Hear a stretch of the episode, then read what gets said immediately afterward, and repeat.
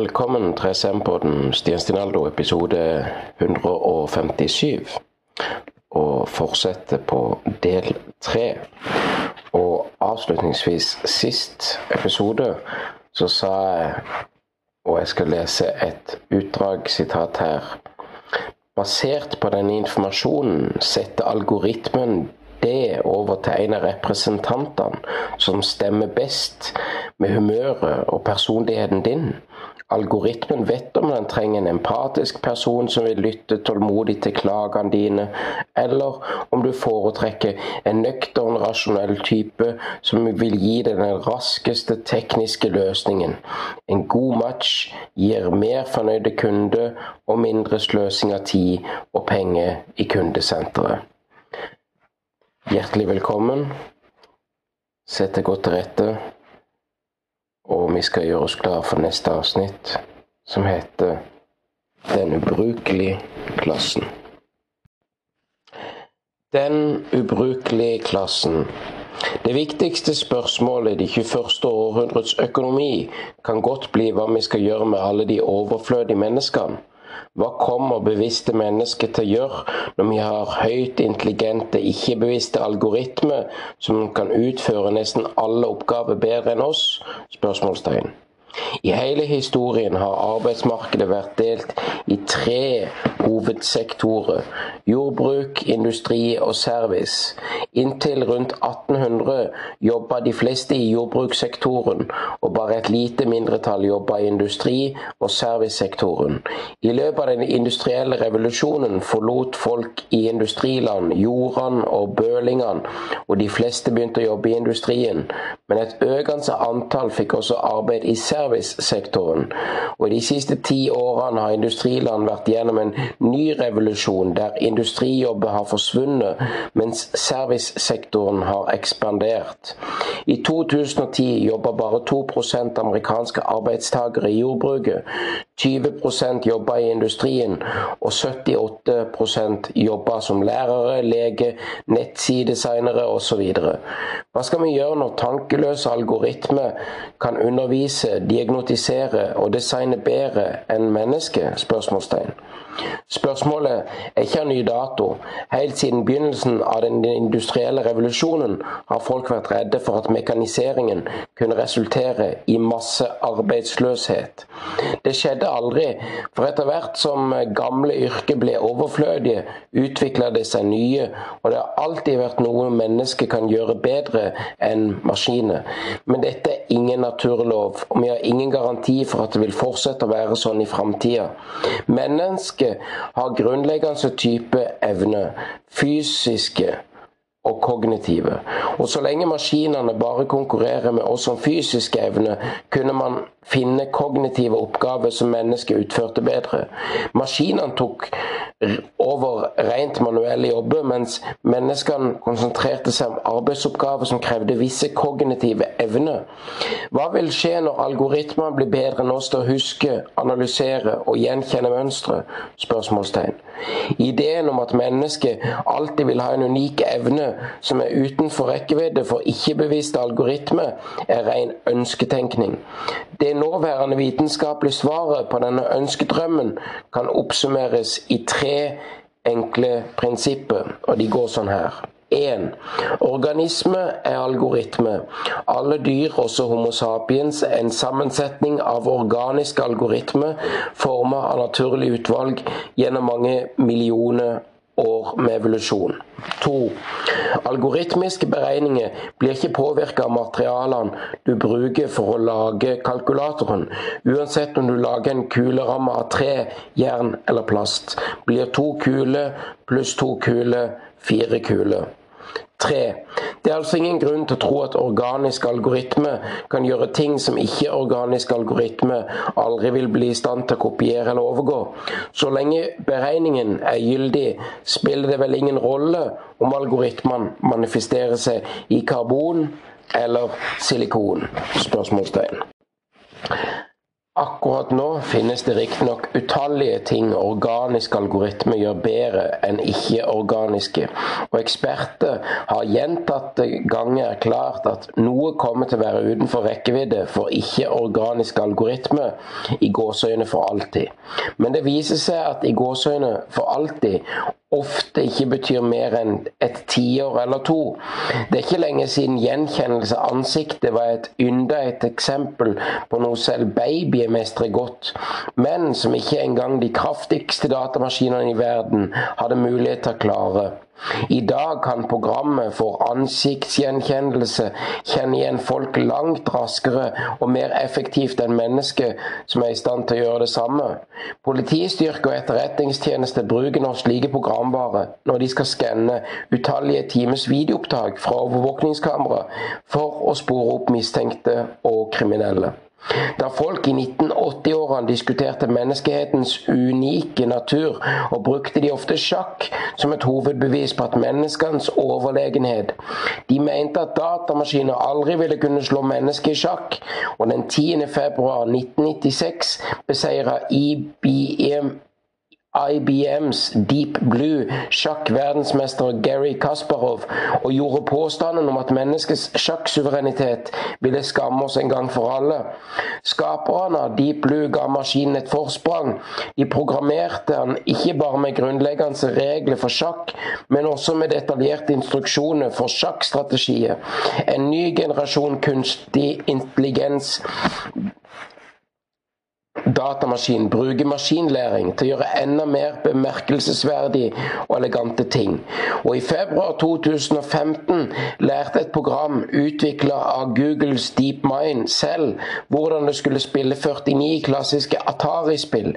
En av utvikleren, dr. Hemis Hasabis, forklarte at og jeg siterer, den eneste informasjonen vi ga systemet, var pikslene på skjermen og ideen om at en måtte få en høy poengsum.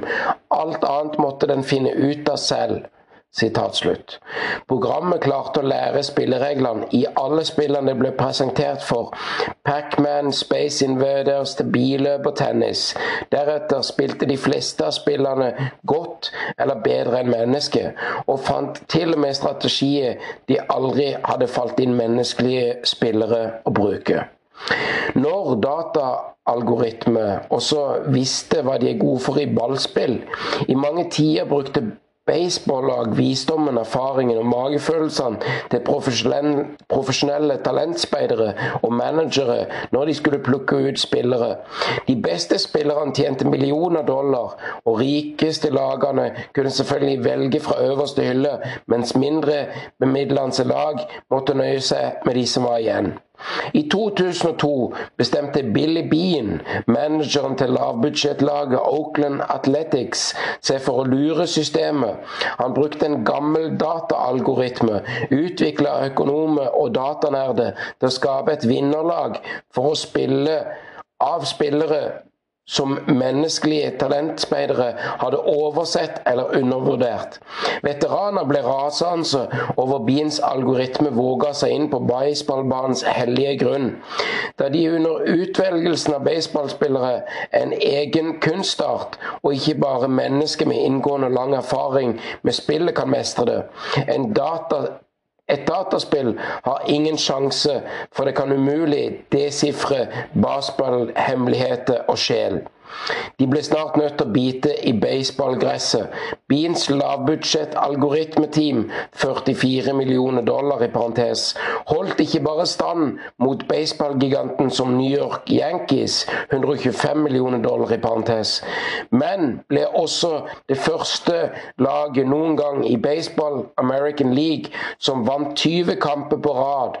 Bean og Oakland fikk ikke glede av suksessen så lenge, for snart begynte også mange andre baseballag å bruke algoritmen når de skulle velge spillere.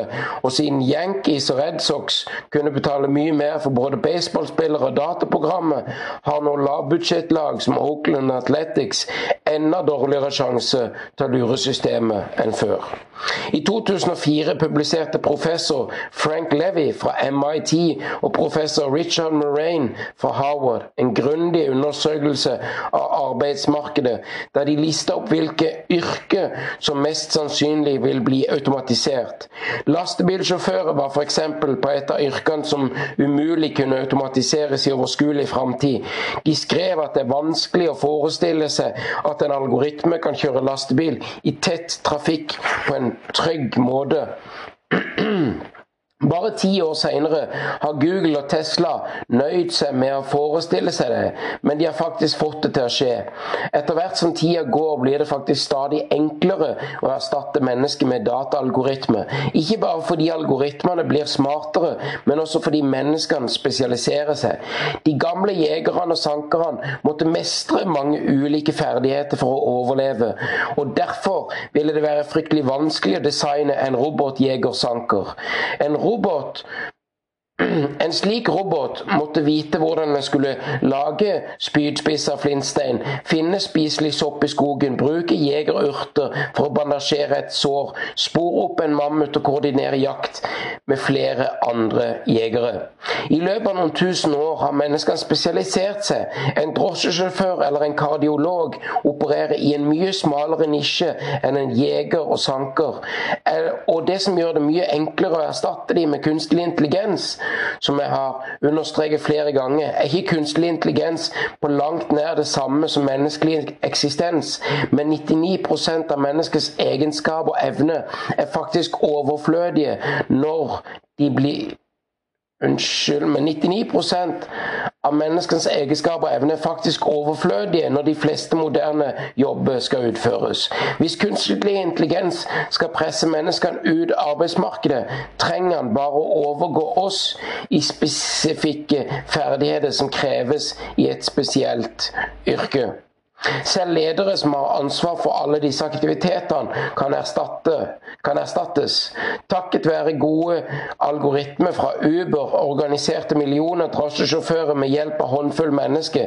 De fleste av ordene gis algoritmen uten behov for menneskelig overvåkning. Og i mai 2014 pløya Deep Knowledge Ventures, et ventureselskap i Hongkong som spesialiserte seg på re generativ medisin, ny mark da de valgte en algoritme, Vital, inn i styret. Vital gir investeringsanbefalinger for å analysere enorme mengder data om den økonomiske situasjonen, kliniske forsøkene og den intellektuelle kapitalen til potensielle selskaper. Algoritmen har, i likhet med de andre fem styremedlemmene, stemmerett når firmaet skal vurdere om de vil investere i en bestemt selskap eller ikke. Så langt ser det ut til at Vital allerede har anlagt en ledelsesuvane nepoturisme. Den har anbefalt å investere i selskaper som gir algoritmer større autoritet. Med Vitals velsignelse har Deep Knowledge Ventures nylig investert i Silicon Medicine, som utvikler datamaskin-assistansemetode for forskning på medisiner, og i Pathway Pharmaceuticals, som bruker en plattform som heter OncoFinder til å velge og vurdere individuelt tilpassa kreftbehandling. Etter hvert som algoritmene presser menneskene ut av arbeidsmarkedet, kan rikdommen til bli konsentrert i hendene på en liten elite som eier de allmektige algoritmene, noe som vil skape historisk store sosiale forskjeller. I dag har millioner drosjesjåfører, bussjåfører og lastebilsjåfører betydelig økonomisk og politisk innflytelse og råder over en ørliten del av transportmarkedet. Hvis de kollektive interessene deres blir truet, kan de melde seg inn i en fagforening, gå til boikottaksjoner og danne felles front mot under politisk valg. Men når flere millioner menneskelige sjåfører blir erstatta av enkelte algoritmer, vil all denne rikdommen makten blir trengt opp i et hjørne av selskapet som eier algoritmen, og de får milliardærene som eier selskapet. Alternativt vil algoritmene kanskje eie de sjøl. Lovverket har allerede anerkjent intersubjektive vesener som store selskaper og nasjoner, som i gåseøyne juridiske personer. Selv om verken Toyota eller Argentina har kropp eller sinn, så kan de saksøke og bli saksøkt. Snart vil vi kanskje også gi algoritmene en lignende status. Hvis det skjer, så kan en algoritme eie et venture kapitalfond uten å måtte adlyde ønskene til menneskene som bestemmer over den. Hvis algoritmen tar riktig avgjørelse, kan den opp arbeide seg en formue som den kan investere slik den mener er best. Kanskje med å kjøpe huset ditt og bli husverten din. Hvis du krenker en algoritmes juridiske rettighet, f.eks. ved at du ikke betaler husleien, kan algoritmen hyre advokat og saksøke det. Hvis slike algoritmer stadig overgår menneskelige fondsforvaltere, kan vi ende opp med en algoritmisk overklasse som eier mesteparten av planeten. Det lyder kanskje usannsynlig men før du avfeier denne ideen, bør du huske på at mesteparten av planeten eies av ikke-menneskelige intersubjektive vesener, først og fremst nasjoner og store selskaper. For 5000 år siden ble faktisk store deler av Sumeria eid av imaginære guder som Enki og Inanna. Hvis guder kan eie landområdet og ansette folk, kan vel også algoritmer gjøre det samme? spørsmålstegn. Hva kommer folk til å gjøre de sies ofte at kunsten gir oss det bedre tilfluktsstedet vi kan få, og at kunst er noe som er forbeholdt mennesket. I en verden der datamaskiner erstatter lege, sjåfører og til og med husverter, vil alle bli kunstnere. Men det er vanskeligere. Hvorfor ikke algoritmer skal bedrive kunstnerisk aktivitet? Hvorfor er vi sikre på at maskiner aldri vil bli i stand til å overgå oss i komponering av musikk? Ifølge biovitenskap er ikke kunst et produkt av fortryllende ånd eller en metafysisk fysisk sjel, men av organiske algoritmer som gjenkjenner matematiske mønstre. Og hvis det er riktig, er det ingen grunn til at ikke-organiske algoritmer kan mestre det. David Cope er professor i musikkvitenskap ved University of California i Santa Cruz. Han er også en av de mest kontroversielle skikkelsene i den klassiske musikkens verden. Cope har lagd programmer som komponerer konserter, koraller, symfonier og opera. De første skaperverkene hans fikk navnet EMI parentes Experiments in Musical Intelligence. Og de spesialiserte seg på å imitere stilen til Johan Sebastian Bach. Det tok sju år å lage programmet, men en arbeidet var først var gjort, komponerte EMI 5000 koraller à la Bach på én dag. Cope arrangerte en konsert med noen få utvalgte koraller på en musikkfestival i Santa Cruz. En entusiastisk publikum roste den nydelige konserten og fortalte oppglødd at musikken hadde rørt det innerste i dem. De visste ikke at musikken var komponert av EMI og ikke av Bach. Og da sannheten kom fram, reagerte noen med dyster taushet, mens andre skrek opp i raseri. EMI ble stadig bedre og lærte å imitere Beethoven, Chopin, Raminov og Stravinskij. Kopp skaffa EMI en kontrakt, og den første plateutgivelsen, Classic Music Composed by Computer, solgte overraskende godt. Publisiteten førte til økende fiendtlighet fra tilhengere av klassisk musikk. Professor Steve Larsen fra University of Oregon utfordra Cope til en musikalsk konkurranse. Larsen foreslo en profesjonell pianist skulle spille tre stykker etter hverandre. Ett av Bark, ett av EMI og ett av Larsen. Etterpå skulle publikum bli bedt om å gjette hvem som hadde komponert hvilket stykke. Larsen var overbevist om at folk lett ville kunne høre forskjell på sjelefulle komposisjoner gjort av mennesket og det livløse produktet til en maskin. Cope tok imot utfordringen. På den avtalte datoen var flere hundre forelesere, studenter og musikkinteresserte samla i konserthallen ved University of Oregon. Etter konserten ble det avstemning. Resultatet? spørsmålstegn. Publikum trodde at EMIs stykke var ekte Bach, og at Bachs stykke var komponert av Larsen, og at Larsens stykke var laget av en datamaskin. Kritikerne fortsetter å hevde at musikken til EMI er ypperlig teknisk sett, men at den mangler noe. Den er for presis. Den har ikke dybde. Den har ikke sjel. Men folk Men når folk fikk høre Emis komposisjoner uten å vite hvem som hadde lagd de, roste de de ofte for nettopp sjelfullheten og den emosjonelle klangen. Etter Emis suksesser lagde Cope nye og enda mer avanserte programmer. Hans store mesterverk var Annie, mens EMI komponerte musikk etter forhåndsbestemte regler, er Annie basert på maskinlæring. Annies musikalske stil endra seg hele tida og utvikler seg som en reaksjon på nye innspill fra omverdenen. Cope har ingen anelse om hva Annie vil komponere neste gang, og Annie begrenser seg faktisk ikke bare til å komponere musikk, men utforsker også andre kunstformer, som f.eks. et haiku-dikt. I 2011 ga Cope ut comes the fairy night through thousand haiku by man and machine. Av de 2000 haiku-diktene i boken er noen skrevet av Annie, og resten av organiske diktere. Det står ikke oppgitt hvem som har dikta hva. Hvis du tror at du kan se forskjell på kreativiteten til menneske og maskiner, er du hjertelig velkommen til å prøve. På 1800-tallet skapte den industrielle revolusjonen en stor ny klasse av urbane proletarer, og sosialismen spredde seg fordi ingen andre kunne besvare de nye behovene og håpene, og den nye frykten til denne nye klassen.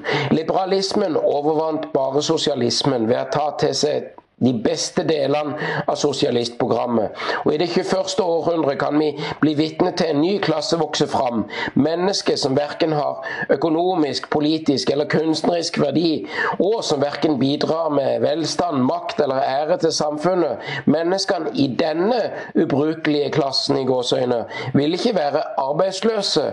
Nei, de vil bli umulig å skaffe de jobb. I september 2013 ga to Oxford-forskere, Carl Bendict Frey og Michael A. Osborne, ut The Future of Employment, der de kartla sannsynligheten for ytterligere yrke ville bli overtatt av dataalgoritmer i løpet av de nærmeste 20 årene. Algoritmer som Freie Aasbond utvikla for å gjøre beregningene, anslo at 47% av jobbene i USA har høy risiko for å bli overflødige. Det er f.eks. 99% sannsynlighet for at telefonselgere og forsikringsagenter vil miste jobben sin til algoritme innen 2033.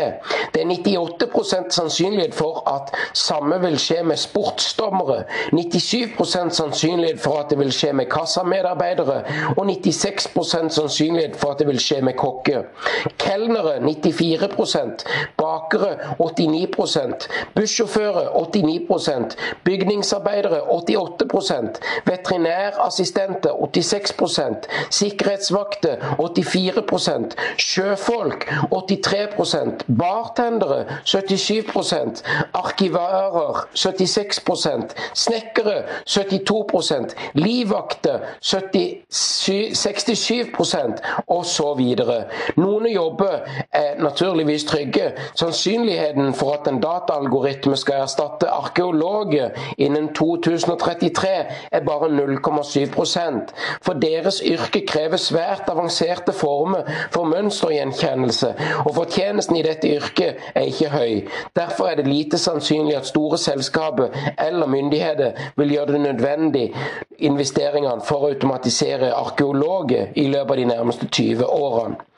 Innen 2033 er det naturligvis også trolig at det vil dukke opp mange nye yrker, som f.eks. virtuelle verdensdesignere. Men slike yrker vil sannsynligvis kreve mye større kreativitet og fleksibilitet enn vanlige jobber. Og det er uklart hvorvidt 40 år gamle kassamedarbeidere eller forsikringsagenter vil klare å begynne på et nytt så virtuell verdensdesigner. I parentes, du kan jo prøve å forestille en virtuell verden skapt av en forsikringsagent. parentes slutt.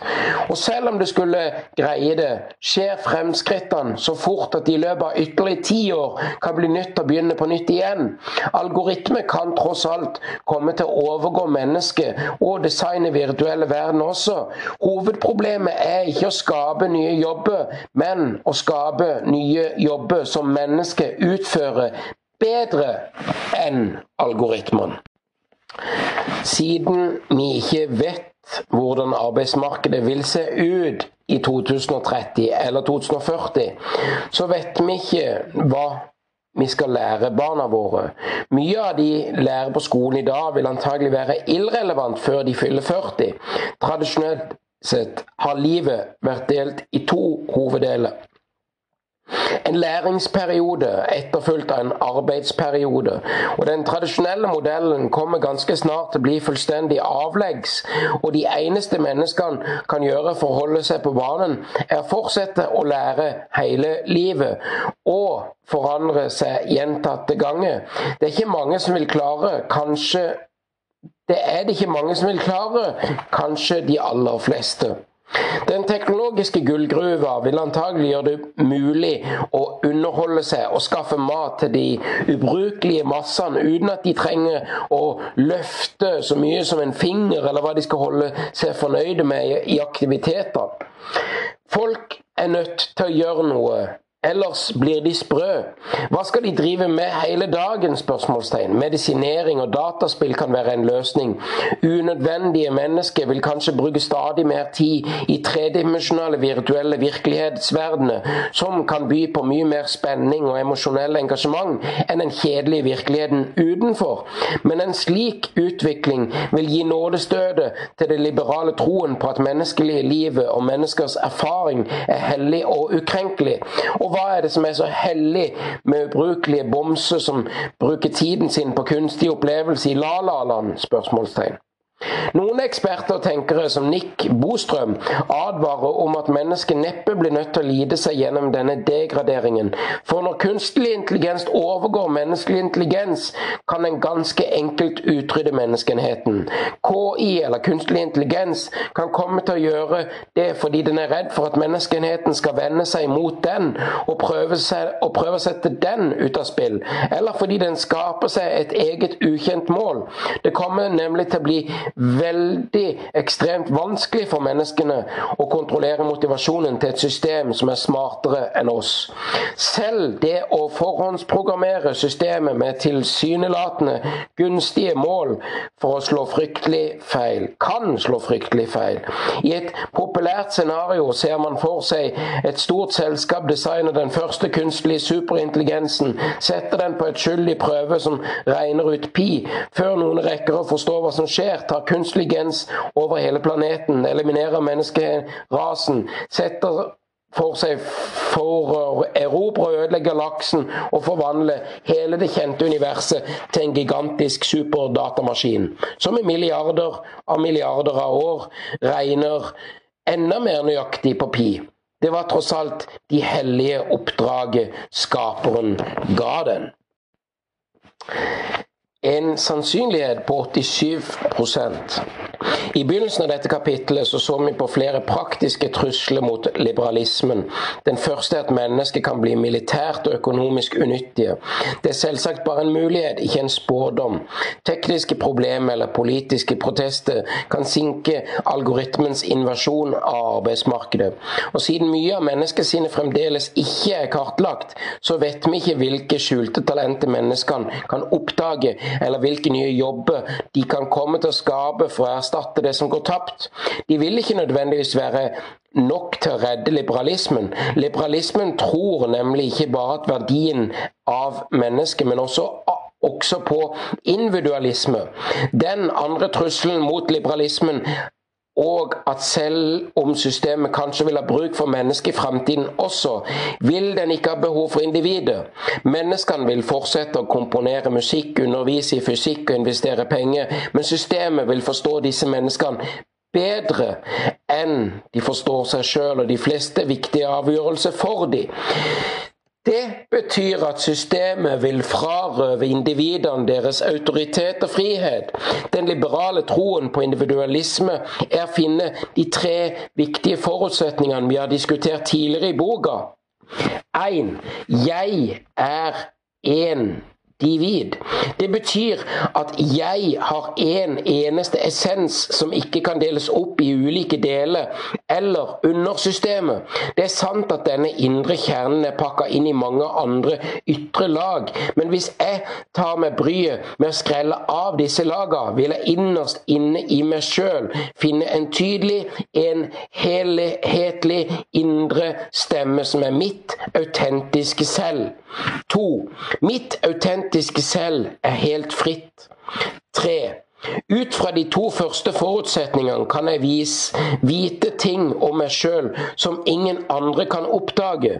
For det første har jeg tilgang til mitt indre, frie rom, og det er det bare meg som kan høre hviskinga fra mitt autentiske selv. Det er derfor liberalismen gir individet så stor autoritet. Jeg kan ikke overlate til andre til å ta valg på mine vegne, for ingen andre kan vite hvem jeg virkelig er, hva jeg føler, hva jeg vil. Derfor Unnskyld, det er derfor velgeren vet best. Kunden har alltid rett, og skjønnheten ligger i øyet som ser.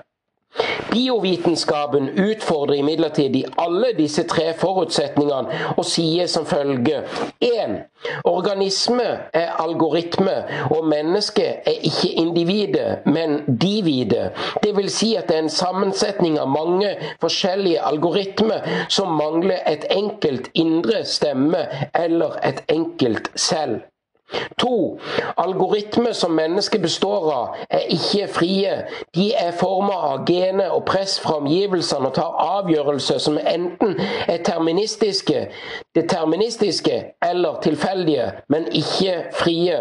Tre.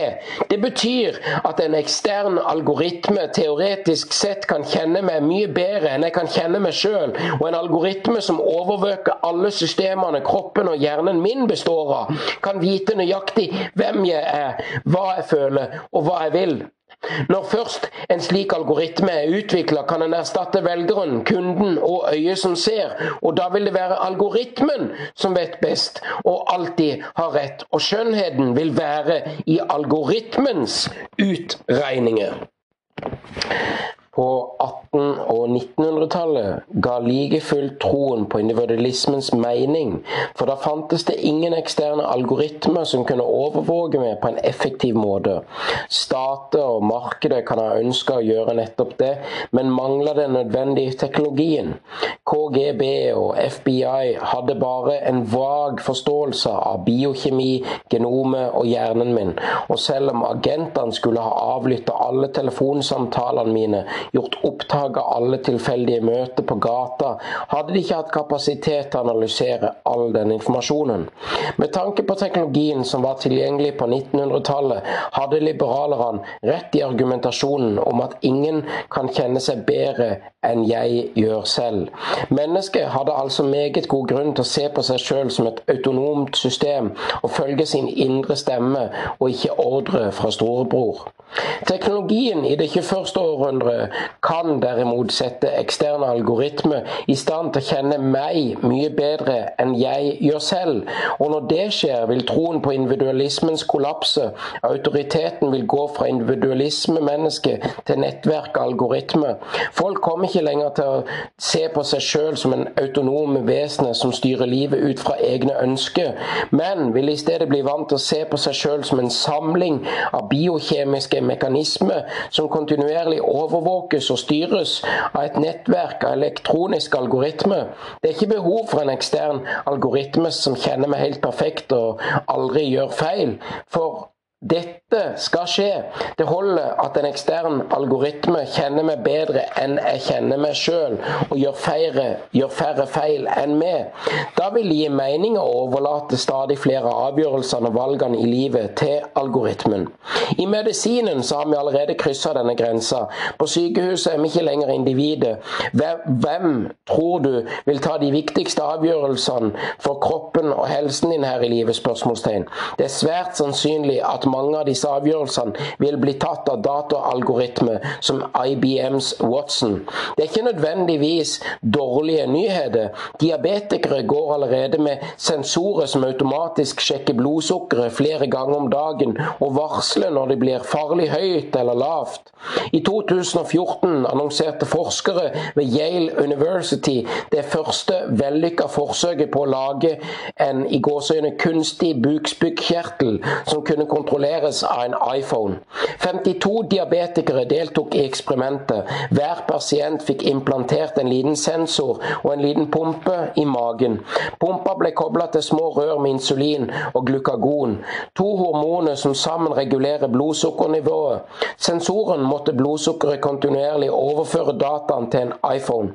iPhonen hadde en app som analyserte informasjonen og sendte beskjed til pumpa når det var nødvendig, og så injiserte pumpa riktig mengde insulin eller glukagon uten behov for menneskelig intervensjon. Også andre som ikke lider av alvorlige sykdommer, har begynt å gå med sensorer og datamaskiner som overvåker helsa og aktiviteter deres. Disse innretningene som kan være lagt inn i alt fra smarttelefon og armbåndsur til armbånd og undertøy, registrerer diverse biometriske data, som f.eks. blodtrykk, og dataen blir overført til avanserte dataprogrammer som råder deg til å endre kosthold eller daglige rutiner for bedre helse og lengre og mer produktivt liv. Google er sammen med legemiddelgiganten Novartis i ferd med å utvikle en kontaktlinse som sjekker glukosenivået i blodet med noen få sekunders mellomrom ved å teste tåreinnholdet. Pixie Scientific selger smartbleie som analyserer babybæsj for å kunne følge med på helsetilstanden til babyen. Microsoft lanserte i november 2014 Microsoft Band, en smartarmbånd som blander andre og overvåker hjerteslagene dine, søvnkvalitet livskvaliteten og hvor mange skritt du går hver dag. En app som heter Deadline går enda et skritt lenger og forteller deg med utgangspunkt i vanene dine hvor mange år du har igjen å leve. Noen bruker disse appene uten å tenke særlig over det, men for andre har dette allerede blitt en ideologi, for ikke å si en religion. Quantified Self-bevegelsen hevder at selve kun er matematiske mønstre, og disse mønstrene er så komplekse at menneskesinnet ikke har mulighet til å forstå dem. Hvis du ønsker å følge det gamle ordspråket og kjenne deg sjøl, bør du også bør du altså ikke kaste bort tiden på filosofi, meditasjon eller psykoanalyse, men heller systematisk innhente biometriske data og la algoritmene analysere dem for det, og fortelle dem hvem du er og hva du bør gjøre. Bevegelsen, mottoet, er selvinnsikt gjennom tall i gåseøyne. I, 20, I, år 2000 inntok den israelske sangeren Shlomi Shavan den lokale spillelista med hiten 'Arik'. Den handler om en fyr som er besatt av kjærlighetens eks Arik. Han forlanger å vite hvem som er best i sengen, han eller Arik. Kjæresten unngår å svare direkte på spørsmålet og sier at de er forskjellige. Fyren er ikke fornøyd med svaret og sier, og jeg siterer, Gi meg tall, jente. For menn som ham finnes det råd, et selskap som heter Bedpop Bedpost selger biometriske armbånd som kan ha på seg når man har sex. Armbåndet innhenter data som hjerte, hjerterytme, svettenivå, varighet på samleie, og orgasmen og hvor mange kalorier man bruker. Denne informasjonen overføres til en datamaskin som analyserer den og rangerer prestasjonen din i eksakte tall. Farvel til fingerte orgasme, og hvordan var det for det? spørsmålstegn. Folk som opplever seg sjøl gjennom den nådeløse for, formidlingen fra slike innretninger, kan i større grad begynne å se på seg sjøl som en samling av biokjemiske økonomiske systemet enn som et individ, og avgjørelsene deres vil i økende grad gjenspeile de motstridende kravene fra de ulike systemene. Tenk deg at du har to ledige timer i uka og er usikker på om du skal bruke dem på å spille sjakk eller tennis. En god venn spør kanskje, og jeg siterer, hva sier hjertet hva sier hjertet det? spørsmålstegn. Tja, svarer du, hva hjertet angår er klart best å spille tennis, og det er bedre for kolesterolnivået og blodtrykket også, men FMRI-skanninga mi indikerer at jeg bør styrke hjernens venstre frontallapp, og i min familie har det vært en del tilfeller demens, og onkelen min fikk det i tidlig alder, og nye studier har vist at en runde med sjakk en gang i uka kan bidra til å utsette demens. Sitat slutt. På geatreisk sykehusavdeling kan man allerede finne mer ekstreme eksempler på ekstern inngripen. Humanismen fantaserer om alderdom som en periode med visdom og forståelse. Den ideelle eldre mennesket lider kanskje av kroppslige plager og svakheter, men sinnet er kvikt og klart. Og han har 80 års innsikt å dele. Han vet nøyaktig hva som er bra hva som alltid er gode råd å gi barnebarn og andre besøkende. Det ikke første århundres 80-åringer er ikke alltid sånn. Takket være vår økende forståelse av menneskets biologi han holder medisinen oss i live så lenge at sinnet og vårt autentiske selv i gåsøyne smuldrer opp og går i oppløsning. Det eneste som blir igjen, og altfor ofte en samling dysfunksjonelle biologiske systemer som holder det gående med hjelp av monitor store datamaskiner pumper. På et dypere plan kan det ene selve bli enda mer uklart, og det autentiske indre stemmen forsvinner i støyende mylder av gener etter hvert som genteknologi integreres i dagliglivet, og folk utvikler stadig mer intime relasjoner til DNA-et sitt. Når jeg står overfor vanskelige dilemma og avgjørelser, vil jeg kanskje slutte å lete etter min indre stemme, og i stedet konsultere min indre genetiske britiske parlament. Den 14. mai 2013 publiserte skuespilleren Angelina Jolie en artikkel i New York Times der hun fortalte hun hadde valgt å fjerne begge brystene. Jolie hadde i mange år levd i frykt for å få brystkreft fordi både mora og bestemora døde av en relativt ung alder. Jolie fikk tatt en genetisk prøve som viste at hun er bærer av en farlig mutasjon, BRCA1-genet. Ifølge nye statistiske undersøkelser av kvinner som er bærere av denne mutasjonen, 87% sannsynlighet for å utvikle brystkreft. Jolie hadde ikke kreft da hun valgte å fjerne brystene, men hun bestemte seg for å komme den fryktende sykdommen i forkjøpet og fjerne risikoen. I artikkelen forklarte Jolie at, og jeg siterer, jeg velger å offentliggjøre min historie fordi mange kvinner ikke vet de har høy risiko for å få kreft. Jeg håper de også vil kunne få tatt en gentest, og de skal vite at de som har høy risiko, har gode valgmuligheter. Sitat slutt. Det er vanskelig og potensielt livsfarlig valg å fjerne brystene. Ubehaget er én ting, men både operasjonen og den oppfølgende behandlingen byr på fare, økonomiske utgifter. Avgjørelsen kan få videretrekkende konsekvenser for helsa, kroppsbildet, det emosjonelle velværet og forholdet til partner. Jolies valg og motet hun viste da hun gikk offentlig ut med dette, skapte mye oppstyr og vakte internasjonalt bifall og beundring. Det var spesielt mange som håpa at den publisiteten skulle øke bevisstheten om genetisk medisin og dens potensielle fordeler. Sett fra historisk perspektiv er det interessant å merke seg den viktige rollen algoritme spilte i dette tilfellet. Da Jolie ble nødt til å ta et så viktig valg, klatra hun ikke opp på en fjelltopp med utsikt over havet, så solen ned i bølgene og prøvde å få kontakt med sine innerste følelser. Hun valgte å lytte til genene sine, og deres stemme manifesterte seg i følelse, men i manifesterte seg ikke i følelse, men i tall. Jolie hadde verken smerte eller ubehag. Følelsene sa, og jeg siterer, slapp av, alt er i den skjønneste orden. Dataalgoritmen legens henne brukte, sa derimot noe annet. Du merker ikke noe er galt, men i DNA-et ditt ligger det en tidsinnstilt tikkende bombe. Gjør noe med det nå.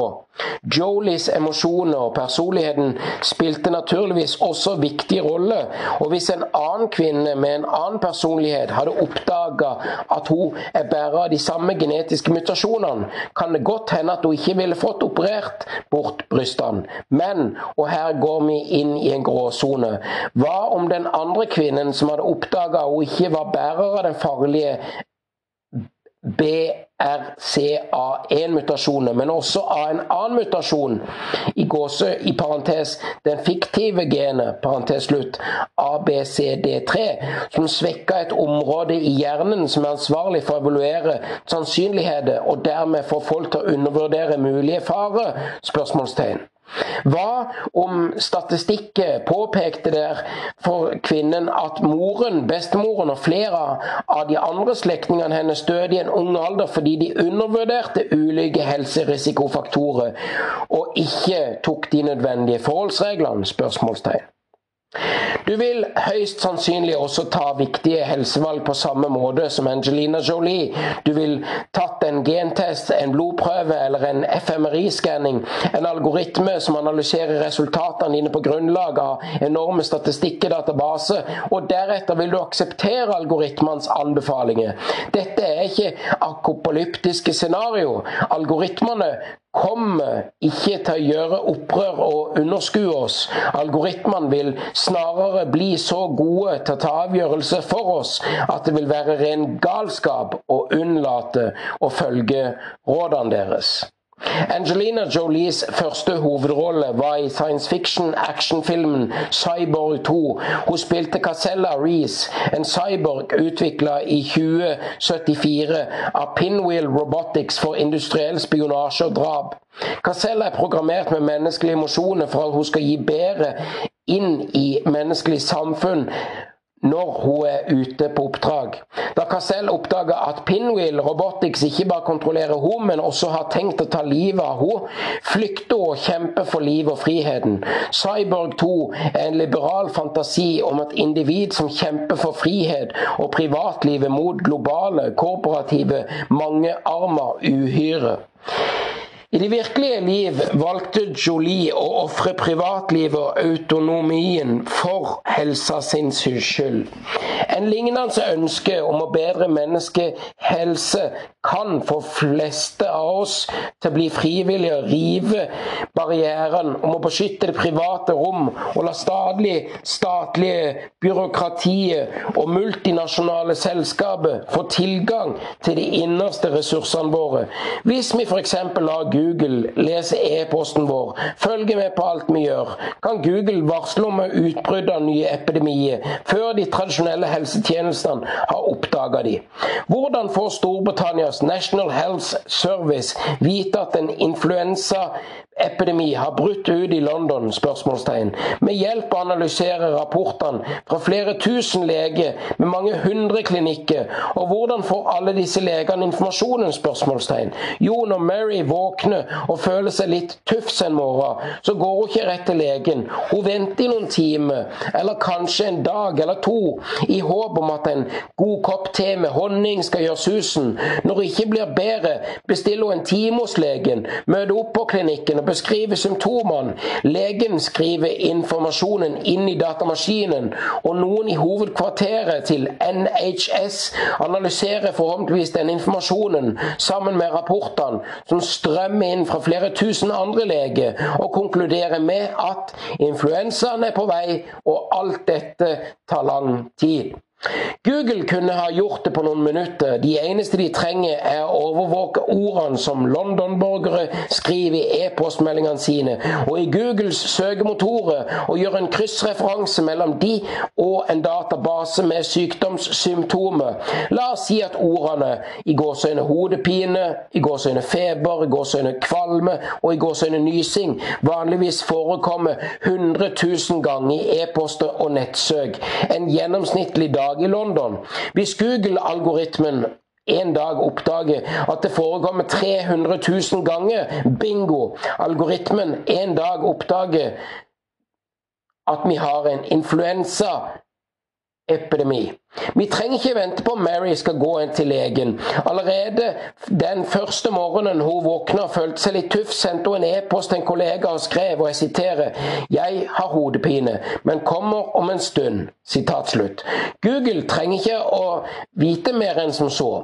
Og hvis Google skal fungere som det skal, må imidlertid Mary tillate at Google skal få lese meldingene hennes, dele informasjonen det med helsemyndigheter. Og Angelina Jolie var villig til å ofre privatlivet sitt for å øke bevisstheten om brystkreft. Hvorfor skulle ikke Mary gjøre et lignende offer for å bidra å bekjempe epidemiet? spørsmålstegn. Dette er ingen teoretisk idé. I 2008 lanserte Google faktisk Google Flutrans, som følger med på influensautbrudd med å overvåke Google-søk. Tjenesten har utvikla seg etter tid, og pga. personvernhensyn sporer han bare søkeord og skal unnlate å lese private e-post.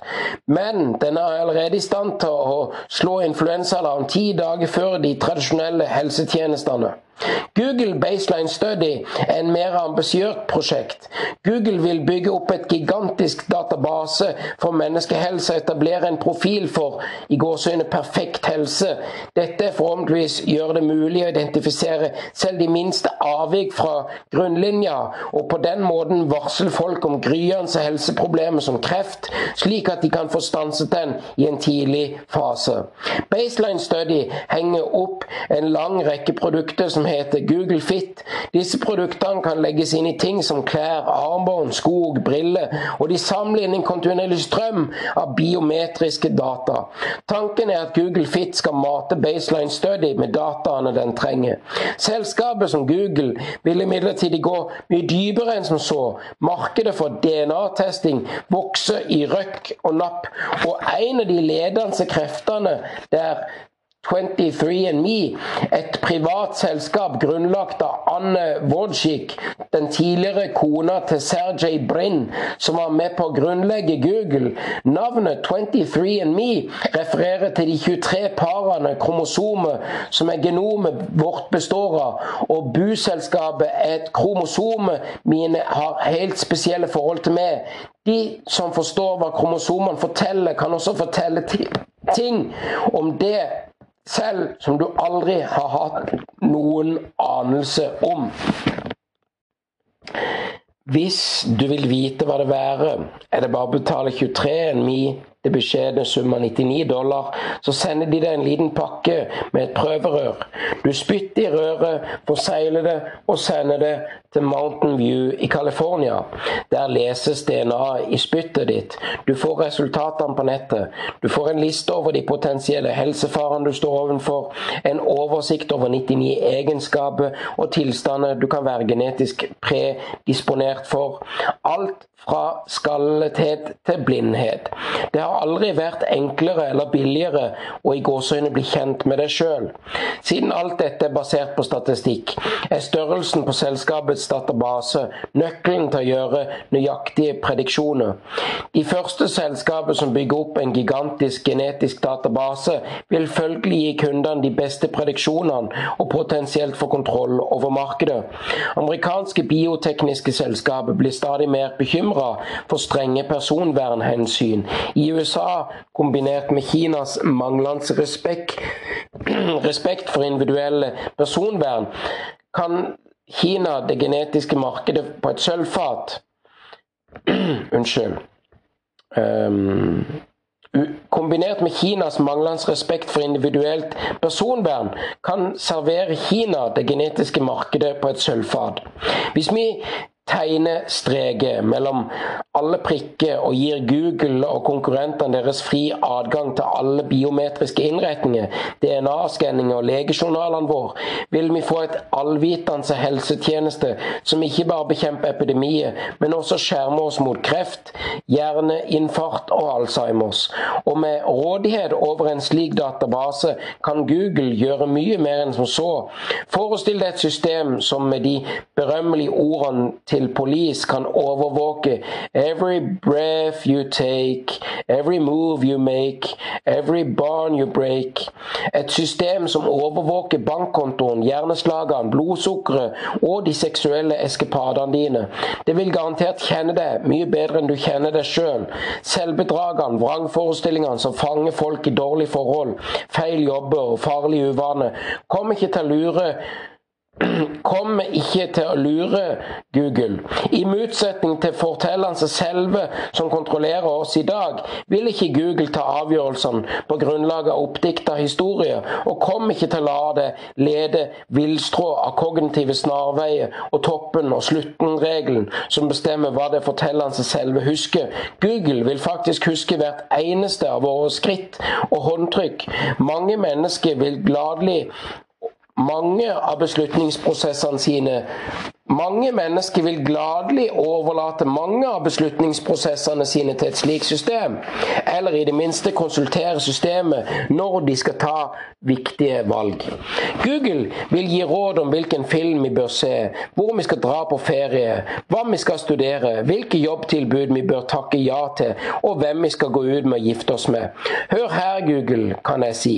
Både John og Paul beile til meg. Jeg liker begge to, men på forskjellig måte. Det er vanskelig å bestemme meg. Med tanke på hva du vet, hva du vil råde meg til å gjøre? spørsmålstegn.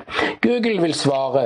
Jeg har kjent deg siden du ble født. Jeg har lest alle e-postene dine, gjort opptak av alle telefonsamtalene dine, og vet hvilke filmer du elsker, kjenner DNA-et ditt, har full oversikt over hva hjertet ditt har vært gjennom. Jeg har nøyaktig data om alle stevnemøtene dine, og vet, hvis du vil, kan jeg vise deg grafer for hjernerytmen, blodtrykk og blodsukkernivået ditt sekund for sekund når du har vært med ut med Jon eller Paul.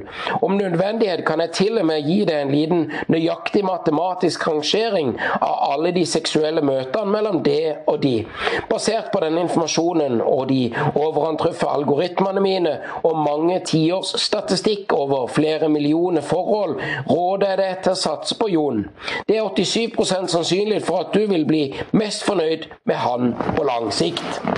Jeg kjenner det er faktisk så godt. Jeg vet at ikke du liker dette svaret. Paul er mye kjekkere enn Jon, og siden du er så opptatt av utseende, ønsker du innerst inne at jeg skal svare Paul.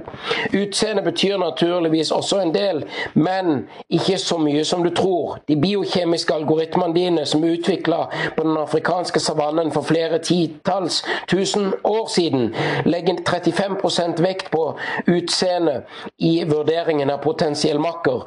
Algoritmene mine som er basert på oppdaterte studier og statistikker, sier at bare en 14% for at kjærlighetsforholdet blir godt på lang sikt. Derfor kan jeg, selv om jeg har tatt med Pauls utseende i beregning, fortelle det at det vil lønne seg å velge John.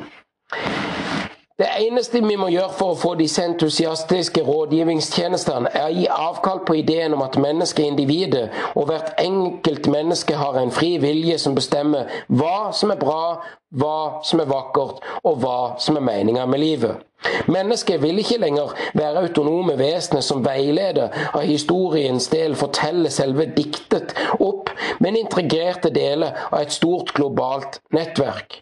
Liberalismen helliggjør de fortellende selve og lar det få stemme under valg. På supermarkedet og på ekteskapsmarkedet. Det har fornuft i mange hundre år, så til tross for at fortellende selve trodde på alle mulige oppdikta historier og fantasier, fantes det ikke noe alternativt system som kjente meg bedre. Nå som vi faktisk har et system som kjenner meg bedre, vil det være tåpelig å legge all autoritet i hendene til det fortellende selve liberale vaner som demokratiske valg, som kommer til å bli avleggs fordi Google vil bli representere mine egne politiske oppfatninger bedre enn jeg gjør sjøl.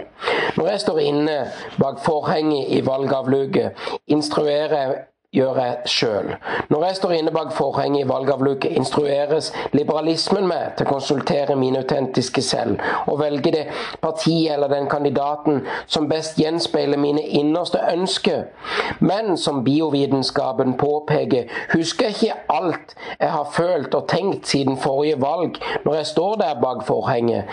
Dessuten blir jeg bombardert med propaganda, innspill og tilfeldige minner som kan få meg til å velge feil. I politikk så følger de følgende selve, akkurat som i Kanemens kaldtvannseksperiment. Toppen og sluttregelen. De glemmer de aller fleste hendelser. Husker bare noen få og legger utforholdsmessig stor vekt på ting som har skjedd helt nylig. I fire lange år kan jeg klage på statsministeren politikk om og om og om igjen. Og fortelle meg sjøl, alle som gidder å høre på meg, at han kommer til å bli vår undergang. Disse månedene før valget senker midlertidig regjeringsskattene og bruker sjenerøst med penger. Regjeringspartiet hyrer inn landets beste reklamefolk til en strålende valgkamp der de serverer en god balanse mellom trusler og løfter som snakker direkte til fryktsenteret i hjernen. På valgdagen våkner med en forkjølelse som hemmer mentale prosesser helse og får meg til å foretrekke trygghet og stabilitet fremfor alle andre hensyn. Og voilà, jeg sender mannen som kommer til å bli vår undergang, tilbake til statsministerkontoret i fire år til. Jeg kunne spart meg for en slik skjebne hvis jeg hadde gitt Google lov til å stemme for meg. Google blir nemlig ikke født i går.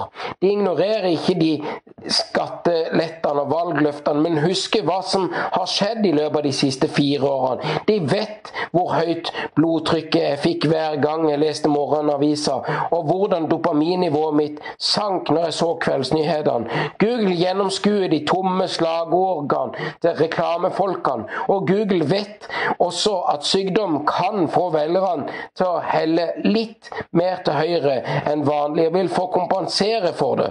Det betyr at Google kan stemme ut fra de oppriktige følelsene og interessant de biokjemiske algoritmene som til sammen utgjør det vi kaller jeg, og ikke ut fra sinnstilstanden min her og nå eller dagdrømmene til det fortellende selve mitt. Google vil naturligvis ikke treffe blink hver gang. Det er tross alt bare snakk om sannsynlighetsberegning. Men hvis Google tar mange nok gode avgjørelser, vil folk stadig få større myndighet. Med tiden vil databasene bli større, statistikken blir mer nøyaktig, algoritmene vil forbedres og avgjørelsene blir enda bedre. Systemet kommer aldri til å bli kjenner vi helt til bunns og vil aldri bli ufeilbarlig, men det trenger det heller ikke å bli. Liberalismen vil kollapse den dagen systemet kjenner vi bedre enn jeg kjenner meg sjøl. Det er mindre vanskelig enn det kan virke, for de færreste kjenner seg sjøl særlig godt. En nyere studie bestilt av Googles nemesis Facebook indikerer at Facebook-algoritmen allerede i dag gir bedre vurderinger enn menneskets personlighet og tilbøyelighet enn folks venner, foreldre og ektefelle gjør. Studien ble gjort av 86 220 frivillige med Facebooks konto, som fylte ut et spørreskjema med 100 spørsmål om personlighetstrekk.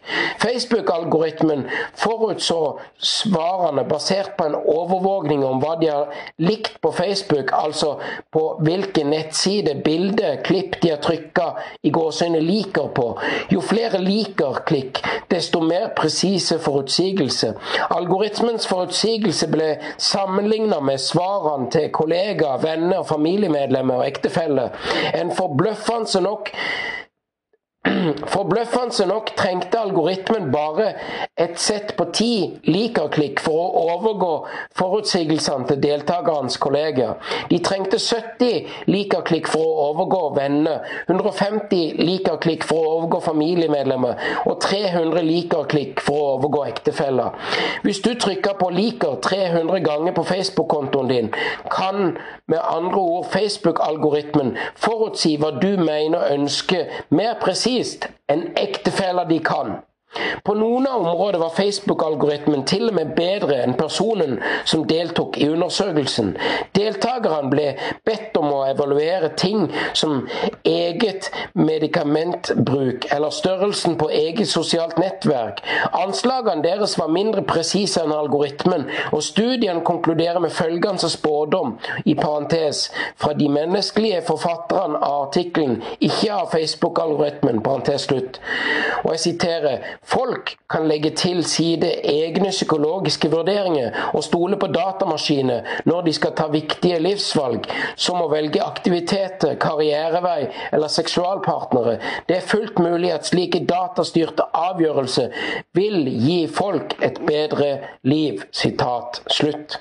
Mer illevarslende er det at samme studien indikerer at Facebook i de neste amerikanske presidentvalget ikke bare vil kjenne de politiske oppfatningene til flere titalls millioner amerikanere, men også vil vite hvilke stemmer skal bli avgjørende for valgresultatet, og hvordan det påvirkes til å stemme annerledes. Facebook kan fortelle deg at det kan bli ekstra jevnt mellom republikanerne og demokratene i Oklahoma, og identifisere identifisere de 32 417 velgerne som ikke har bestemt seg ennå, og finne ut at hver av kandidatene må si for å vippe balanseren til sin egen fordel.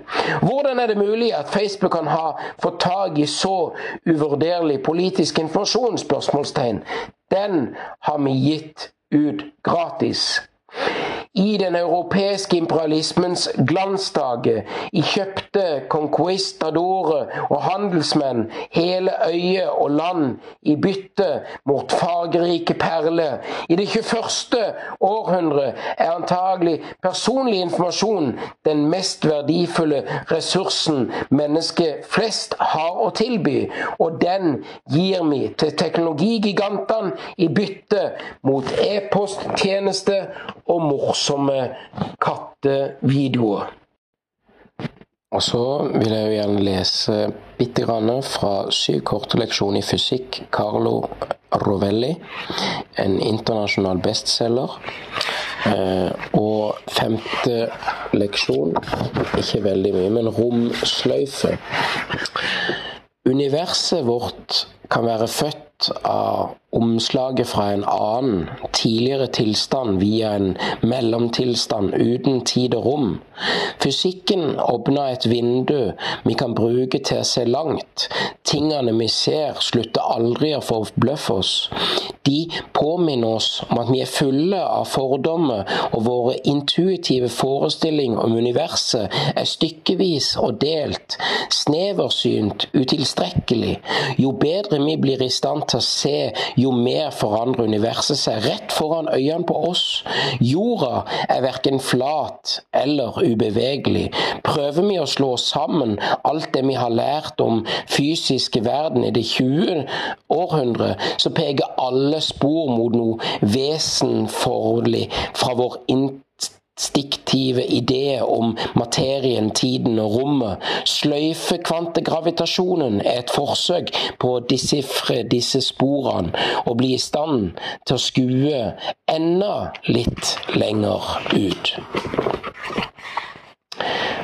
Så sannsynligheten i tiden og varmen i sorte hull. Jeg skal ikke lese noe mer videre om det akkurat nå, men jeg bare sier tusen hjertelig takk for at du lytter deler og sprer. Og her, på grensen av det vi vet, foran havet av alt det vi ikke vet, lyser verdens gåte, verdens skjønnhet, og det tar pusten fra oss. Fred og kjærlighet. Peace out. Folk kan hate, så kan jeg elske. Jeg elsker det. Instagrammen min ssshow2020, nettsida mi 3sl.no. Du er elska.